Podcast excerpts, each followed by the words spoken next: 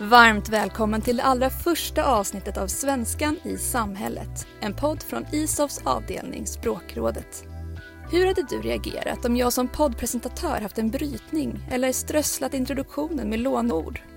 I det här avsnittet möter Maria Bylin som är språkvårdare i svenska vid Språkrådet på ISOF, Ellen Bayfoot, som ligger bakom rapporten Attityder till spår av andra språk i svenskan.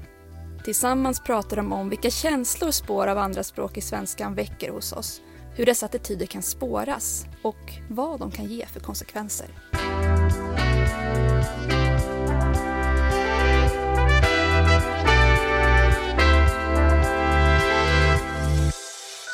Oväntat mycket av språkvården i svenska går ut på att hantera vad folk tycker och känner om helt andra språk än svenskan som på olika sätt speglas i svenskan genom lånord eller brytningar och sådär. Och därför pratar vi idag med dig, Ellen Bayfoot. Du är forskare och lärare vid institutionen för nordiska språk vid Uppsala universitet. Och du är här för att du just har skrivit en rapport, en forskningsöversikt om vad vi vet om just attityder till spår av andra språk i svenskan.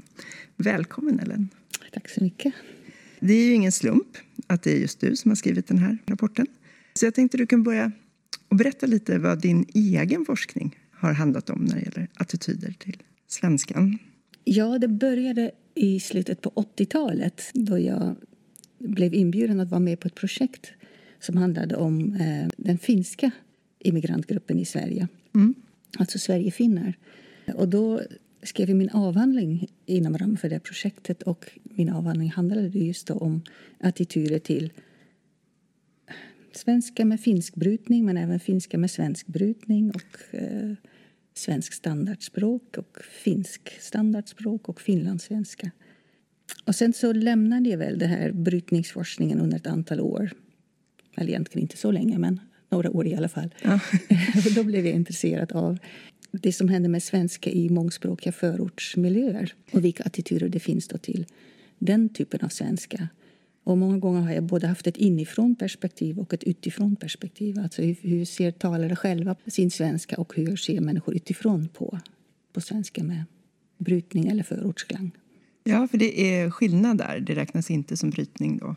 Nej, det eller? räknas inte som brytning. Utan brytning, då kan man identifiera vilket första språk det är som har påverkat uttalet. Men när det gäller språket i förorten så finns det ett sätt att uttala som inte kan kopplas till ett visst annat första språk. Då, då blir det ju då blir så det är som en egen variant, mm. även om det kanske är utvecklat på botten av många ja. andra språk, att många är mångspråkiga, eller? Det har åtminstone utvecklats i den miljön. Ja, man kan mm. tro men inte veta. Mm. Och vad är det liksom som har fångat dig med just den här attitydforskningen? Vad är det som har ja, gjort att du blev kvar? Jag tror att det är lite min, min egen erfarenhet. Då jag kom till Sverige i slutet på 80-talet då hade jag läst eh, lite svenska i mitt hemland, Nederländerna. Så jag kunde prata svenska. Men jag hade ju en tydlig brytning. Och jag blev alltid väldigt positivt bemött av människor som var nyfikna. Ah, okay. ah. Det var aldrig något negativt. Och jag hade ju en del kompisar, eller hade, har jag fortfarande, som har finska som första språk. De blev ju aldrig så positivt bemötta. Alltså det är skillnad vilket det är språk skillnad, brytningen ja. kommer från. Mm. Och eh, för mig var det också nytt hur mycket föreställningar det fanns, eller fördomar det fanns om den finska gruppen. Mm. Och mycket skämt om finnar och alkohol och knivar och hur man härmade finsk brytning och sånt. Och sen tänkte jag vilken skillnad det måste vara att vilja lära sig svenska beroende mm. på hur man blir bemött utifrån hur man, mm. hur man talar. Så det var väl de erfarenheterna som gjorde att jag blev väldigt nyfiken på det här med, med attitydforskningen. Du har forskat i, i det själv och nu har du också skrivit den här rapporten där du har tittat på väldigt många andra attitydforskare och hur de sammanställt vad vi egentligen vet om attityder till det här spår av andra språk i svenskan. Men alltså, vad är en attityd inom forskningen? Hur, hur vet man att man hittat den? så att säga? Ja, Finns det olika sorter? Det är, det är ett väldigt eh, komplext fenomen. Om man tittar på en ordboksdefinition ja. då säger man ju attityd är en inställning till någonting.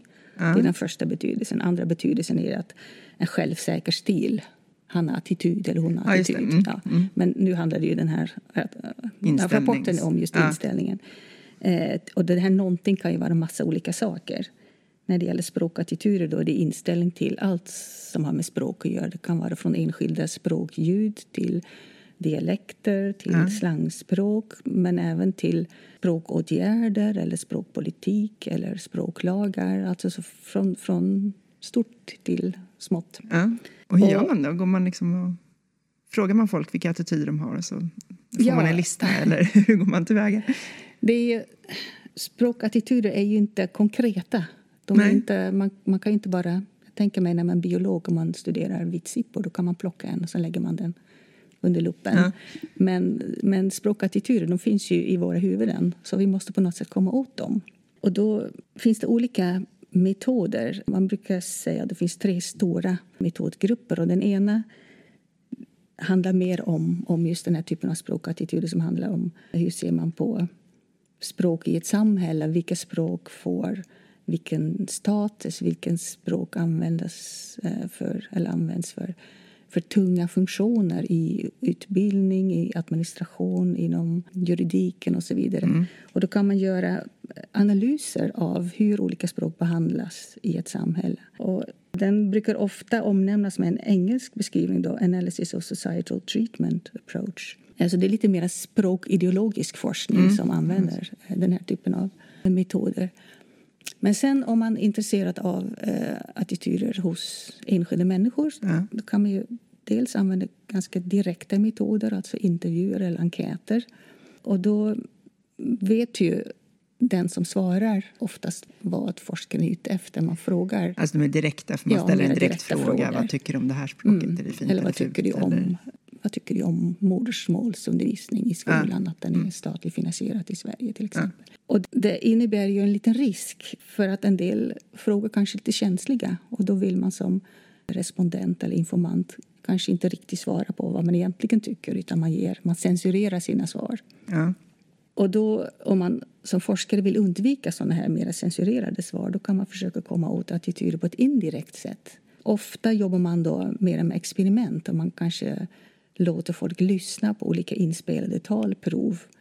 Eh, Man kan till och med lura deltagarna lite grann och säga att okej, nu får ni lyssna på inspelningar av olika talare och de här talarna de har sökt arbete som nyhetsuppläsare Ja. i radio och eh, vi vill ha lyssnarreaktioner. Vilken, Ah, lyssnare, vilken Ah. talare skulle vi helst höra som nyhetsuppläsare? När man egentligen är ute efter någonting annat. Man vill, Ja, okej. Och då får man deras Ja. attityder till vilket sätt att tala som passar som nyhetsuppläsare. ja, eller som man tycker är ja. mest behagligt eller Ja, trovärdigt. okej, ja. eller, och så vidare. Mm. Ja, så det finns olika... Och och man brukar väl säga att det bästa är att försöka kombinera olika metoder med varandra. Mm. För att ibland så har det visat sig, att, eller ganska ofta, att när man ställer direkta frågor Mm. så säger människor ett, sätt- en sak men när man försöker komma åt attityder till samma, till exempel samma form av språklig variation på ett indirekt sätt så säger man en annan sak. Okej. Men hur vet man vilken som är den riktiga? Eller vad ska säga? Om man kan säga är helt riktigt- olika ja, saker. bo- Är det båda är vi... väl riktiga. De kanske inte riktigt mäter precis samma sak. Då. Ibland så säger man att, att såna här mer direkta utfrågningar Ja. där kanske människor också kan producera attityder om någonting som de aldrig har funderat tidigare över. Jag- Ja, man får en fråga och så blir man man ställd och känner att man måste ja, svara. Ja, men så här, okej, men så man- här tänker jag. Mm. Och sen kanske intervjuaren ställer en annan fråga. Jaha, men så här kan man också se. Och då kanske man svarar på ett annat sätt. Så Ja. De är ganska föränderliga. Ja, man, Eh, Medan attityder som är mer ligger på ett djupare plan och som man då försöker, man brukar säga elicitera, alltså man försöker komma åt, få med fram de här indirekta attityderna. Ja. Ja, att de kanske är mer stabila, Mm. inte lika föränderliga. Vet man vilka som ligger till grund för man säger hur vi beter oss sen till andra människor? Är det de Ja. medvetna eller omedvetna? Den här kopplingen mellan attityd och beteende Mm. den har blivit ifrågasatt ganska mycket. Ja. Så tänkte man tidigare att attityder har tre olika sidor. Dels har vi en kunskapssida. Vi, vi, vi har ju kunskap om någonting som vad är attityder till. Och den kunskapen är inte nödvändigtvis baserad på fakta. Den behöver inte vara fullständig. Det kan bara vara en Ja. typ av kunskap, föreställningar. Sen har vi den här mer affektiva sidan, alltså våra känslor gentemot det här som vi har attityder mot det här objektet. Och sen tänkte man sig tidigare också att det fanns en direkt koppling också till beteende. Om jag tycker illa om någonting så Ja. undviker jag det beteendet. Ja. Men det har man ju sett att det kanske finns en benägenhet till ett visst beteende men det kan ju komma jättemycket i vägen. Så det är inte Eh, förutsägbart? Nej, det är inte riktigt förutsägbart. Men det kan påverka. Mm. Mm. Men jag tänkte också, du började när du berättade just det här skillnaden för dig när du kom att lära dig svenska Mm. och attityden till de här som bröt på finska. Jag funderar på, jag menar, vissa saker av det här måste man väl säga att det oftast stämmer.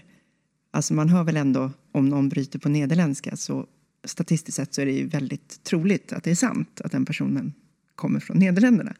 Eh, Och bryter man på finska så är det ju väldigt vanligt att man har växt upp i Finland. Så det ligger väl någonting i dem som är sant. Ja, det ligger någonting i det som är sant, men det kanske inte är så, så enkelt. Nu tror jag vi kommer in på den här diskussionen att vi, vi människor har väldigt stort behov alltid av att sortera våra intryck Ja. som vi möter i vardagen. Eh, och det gör vi genom att kategorisera, generalisera.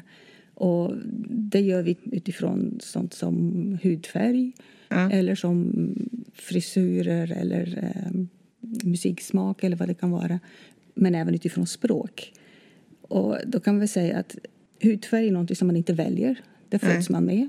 Musiksmak och frisyrer det är något som man väljer. Och då Ja. kan man verkligen tänka att det här är ett uttryck för en viss identitet. Jag väljer att klä mig på ett visst sätt eller att, Ja. att ha en viss frisyr för att jag vill markera någonting. Och språk är egentligen lite däremellan. Ja. Visst är det klart att har man en finsk brytning att det många gånger är så att man har en, en ursprung i Finland. Men det kan ju också vara så att jag älskar Finland och jag tycker det är ett häftigt språk och jag vill markera det och jag vill på något sätt använda lite av det också som ett uttryck i min identitet. Det handlar om kategoriseringar som är olika, olika mycket frivilliga och olika mycket anpassningsbara och valbara. Jag förstår. Man kan liksom välja hur mycket man vill visa eller inte visa. Ja, Eh, och i språk så är det... Man har inte jättemycket valfrihet. Men Eh, ändå. och alla har inte förmågan att jobba bort en Nej. brytning och vissa har. Fåtal har och sådär. exakt. Och sen handlar det väl också om, tänker jag, allting annat som kommer in i hur man föreställer sig att folk från Finland respektive Nederländerna är. Ja, det finns färdiga bilder som Ja, som det här kopplas till, va? Ja, Eller? och som återigen också inte alltid bygger på fakta. Ja. Utan det kan bli väldigt såna färdiga bilder, Ja, stereotypa bilder som är ganska farliga. ja, Eh, att bara ta dem för sanning. jag förstår. Det är liksom... Det är inte säkert att man har rätt Nej. i sina attityder. Tillbaka till rapporten. Så tittade du på just en attitydforskning som man har gjort om det här som kallas som spår av andra språk i svenskan när det på något sätt eh, andra språk samspelare kommer in i svenskan. Eh, och eh, vilka typer av sådana spår har du tittat på och som man har forskat om? Ja, det, det här var ju det var egentligen språkrådets uppdrag. Ja. att jag skulle just titta på då. Jag ser folk på lånord Mm. i svenska. Och då både lånord, men det kan också vara konstruktioner till exempel som kommer från ett annat språk som vi har lånat in i svenska. Mm. Eh, Men det finns ju mest forskning om just ordlån. Mm. Men också kodväxling. Och kodväxling det handlar ju om att man som talare använder flera olika koder. I den här rapporten har vi tolkat koder som olika språk. Inte olika dialekter, men kodväxling kan ju också handla om Så att man blandar svenska och finska, Ja, svenska och engelska? Eller, ja, mm.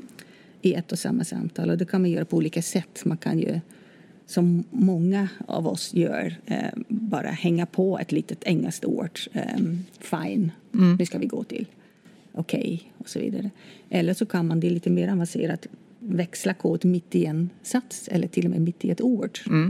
Så det blir mer och mer avancerat. Och sen har vi, eller har jag också tittat på attityder till svenska med brytning. Alltså det här spår av andra modersmål i, i uttalet. Just det, det som du var inne på, skillnaden mellan om man bryter på finska eller nederländska. Just det. språk. Mm. Och sen har jag också tittat på attityder till svenska som talas i mångspråkiga förortsmiljöer. Som du då sa, inte var direkt så att Egentligen. spåra något Nej. identifierbart annat språk. Nej. Utan mer sådär. Nej, jag tänkte på också när du sa okej som ett lånord. Mm. Eh, så tänkte jag, ja just det, det är det, ett lånord. Och vi har ju massor med sådana ord i svenskan. Alltså allt från betala till fåtölj. Mm. Forskar man på attityder till det också eller? Nej, och då tänker jag om man, om man ska definiera spår Mm. då måste de ju vara iakttagbara. Mm. Det ligger i sakens natur. Mm. Annars är det inte något spår längre. Nej, och så frågan Eh. iakttagbara för vem, eller? Ja, för språkbrukare. Mm. Och inte för språkforskaren, så Nej. att säga. Nej. Arkeologer skulle inte hålla med, hålla med mig förmodligen att det som inte syns är inget spår. Men, men i den här rapporten har vi tänkt oss det, det ska vara sånt som folk lägger märke till som eh, nu sitter jag här och viftar som citattecken främmande. Ja. eh, så. För det är som du säger att jag tror för några, några år på 90-talet någon gång gjordes en undersökning och vi, som visade att av de 6 000 mest frekventa orden i svenska är 58 procent inlånat. Ja. Men det tänker vi inte på. Nej, det gör vi inte. Nej, så det vi- finns vi väldigt mycket oss. som vi inte Mm. uppfattar som främmande. längre. Mm. Om man skulle säga det, om du skulle sammanfatta alltså stora mönster när du har tittat på all den här. Finns det sånt som förenar så att säga? Attityden till lånord och brytning och kodväxling. Ja, dels tror jag att man hela tiden när man tittar på det här med attityder att man måste, för att förstå dem, måste sätta dem i ett större sammanhang. Ja. Att våra attityder uppstår inte i ett vakuum utan Nej. de uppstår ju i ett visst socialt eller ekonomiskt politiskt kontext. En kontext heter det väl. Ja. Eh, Språkrådet rekommenderar det. Ja. Så det går inte riktigt att prata attityder utan att se den här kontexten. Och en del av den här kontexten är till exempel den språkliga hierarkin som finns i Sverige. Mm. Och den har beskrivits av en hel del andra språkvetare Mm. eh, som har tittat på det. Och vi har 200 språk i Sverige idag. Vilka språk får mest utrymme, får synas och höras mest, används i tunga funktioner? Och då finns det en, en slags språklig hierarki som man har beskrivit där svenska och engelska kommer på första plats. Sen får vi då stora europeiska språk. Så får vi nordiska grannspråken och även de ja. inhemska minoritetsspråken. De här som har officiellt status som, som nationella minoritetsspråk. Och teckenspråk.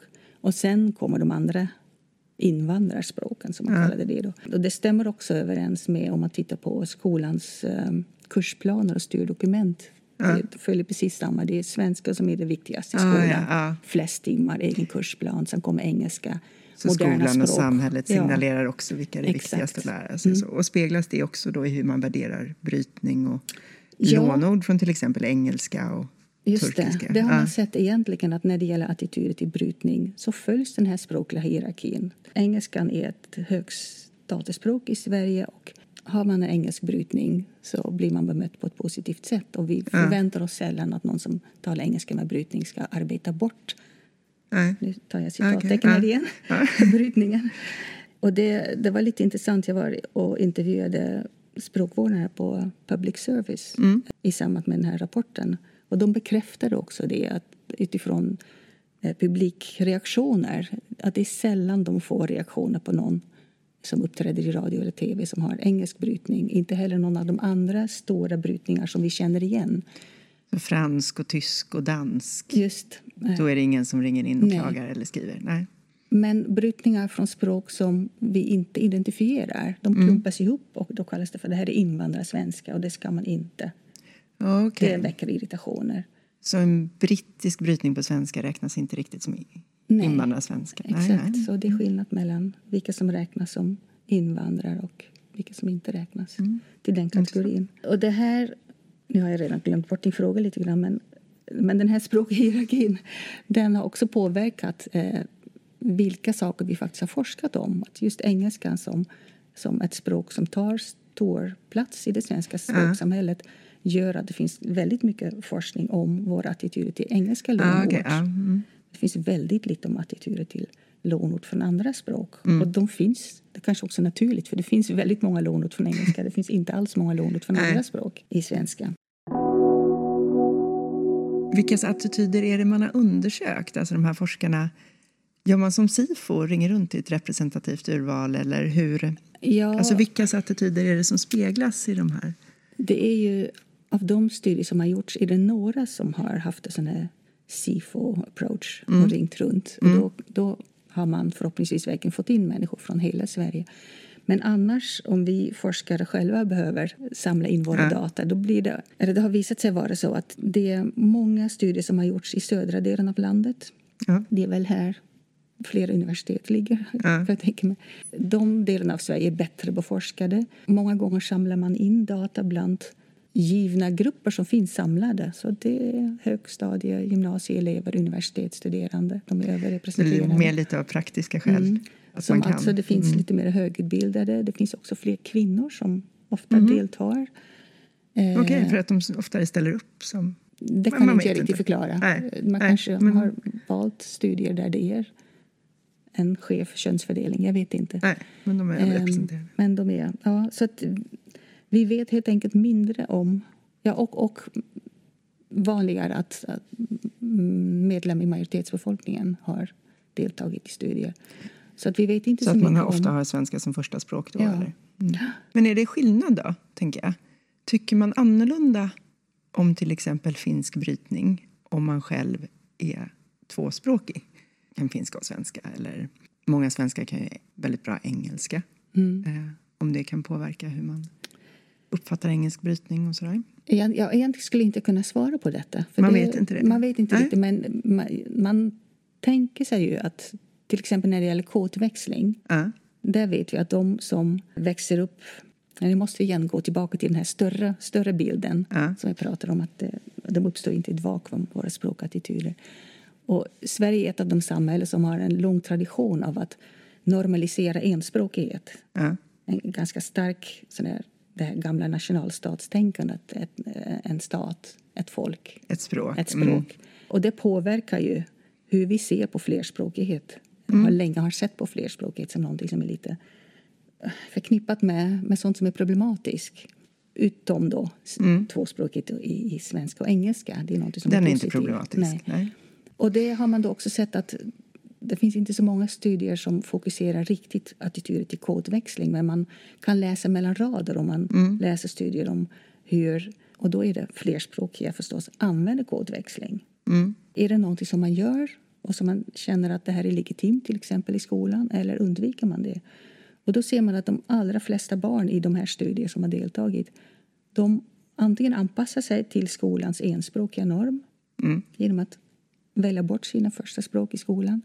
Eller så kan man ibland använda just kodväxling som ett slags sätt att visa motstånd mot den här enspråkiga normen Okej. i skolan. Men i flerspråkiga delar av Sverige, i till exempel Haparanda eller i familjer som har växt upp med flera språk där är ofta inställningen till kodväxling mycket mer normaliserat. Eller inställningen är mer att det, det här är normalt. Det är ett Det är som normalt man pratar. språkligt val. Ja, jag har flera språkliga resurser. Varför ska jag inte använda? Varför ska jag välja bort den? Om man känner andra som förstår Mm. Ja, exakt. båda språken. Man Ja. måste bygga lite på det Ja. också. Ja. Ja, ja, man kodväxlar ju aldrig tillsammans med någon som inte Nej, behärskar samma koder. Nej. Det makes no sense.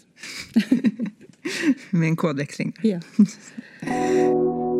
Nu har vi pratat om liksom de här resultaten, huvudresultaten. Eh, och är man mer intresserad så får man väldigt gärna läsa den här rapporten som just heter Attityder till spår av andra språk i svenskan. Men om vi lämnar själva resultaten lite och rockar loss och funderar lite över de här konsekvenserna som det kan få. Det som du var inne på från början, varför du höll på att forska med det här. Alltså vad händer när man har den här typen av attityder i samhället och det finns sådana här mönster? Vad får det för konsekvenser? Ja, dels för de individer som kanske bryter på ett språk långt ner i hierarkin. Men också för samhället i stort. Går man miste om något eller vinner man något på detta? Har du funderat över sånt? ja, men det blir väldigt subjektivt. Ja, det är klart. Nu lämnar vi liksom Ja. den vetenskapliga grunden och funderar ja. Eh, eh, över Nej, men dels konsekvenserna. kan man väl säga att det, det är ju en, det är ohållbart att tänka att, att vi ska försöka värja oss från olika flerspråkiga uttryck i en värld som är så globaliserad som den är idag. Ja. Eh, Det är klart att vi på olika sätt blir mer och mer globala eh, i fråga om våra egna upplevelser av andra länder, vår egna kulturkonsumtion, även när vi håller oss inom Ja. Sveriges eh, gränser. Ja. Eh, Det här påverkar förstås också den språkliga mångfalden i Sverige. Och jag tror att, att vi skulle behöva avdramatisera den här flerspråkigheten. Mm. Den finns, den är normal i, i många andra delar av världen där man inte har det här starka enspråkighetstänket är det till och med så att man, att man upplever att folk är pretentiösa om de håller sig till ett språk.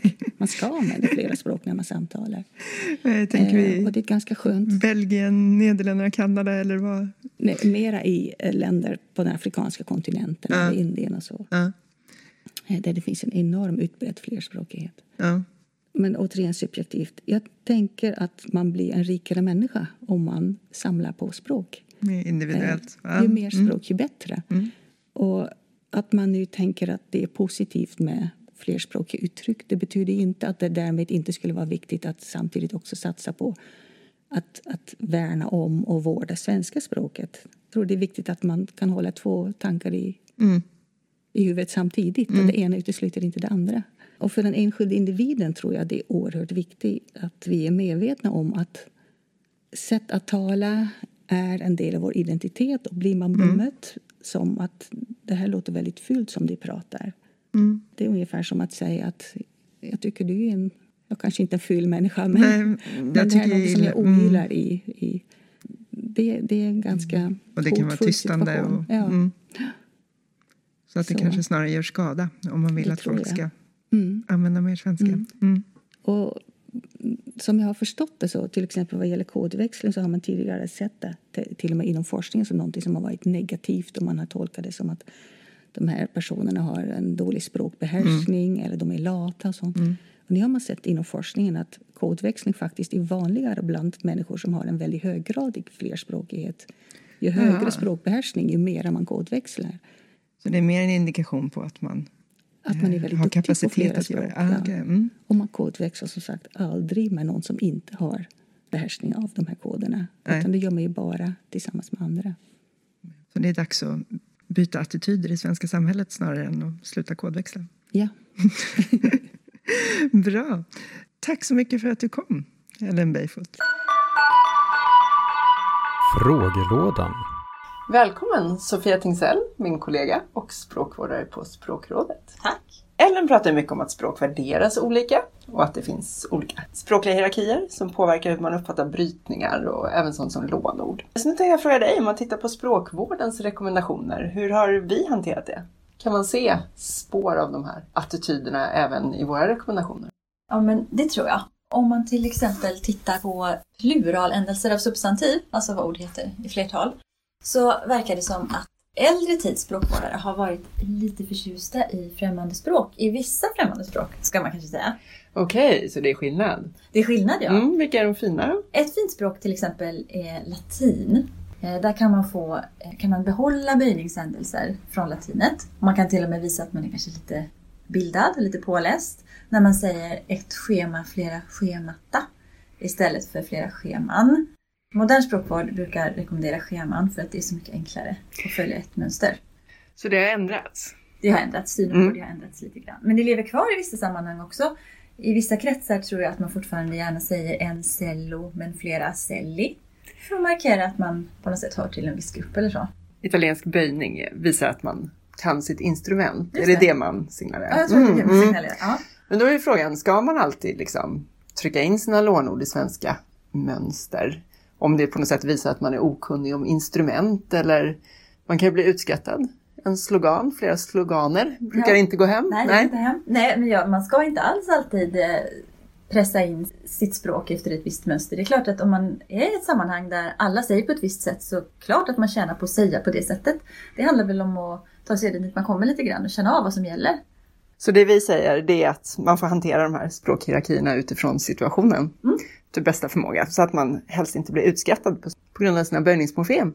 Men också att vad man än har för sig så gäller det att ha lite koll på vilka språkhierarkier som gäller i den situationen. Mm. Bra, tack så mycket Sofia Tingsell.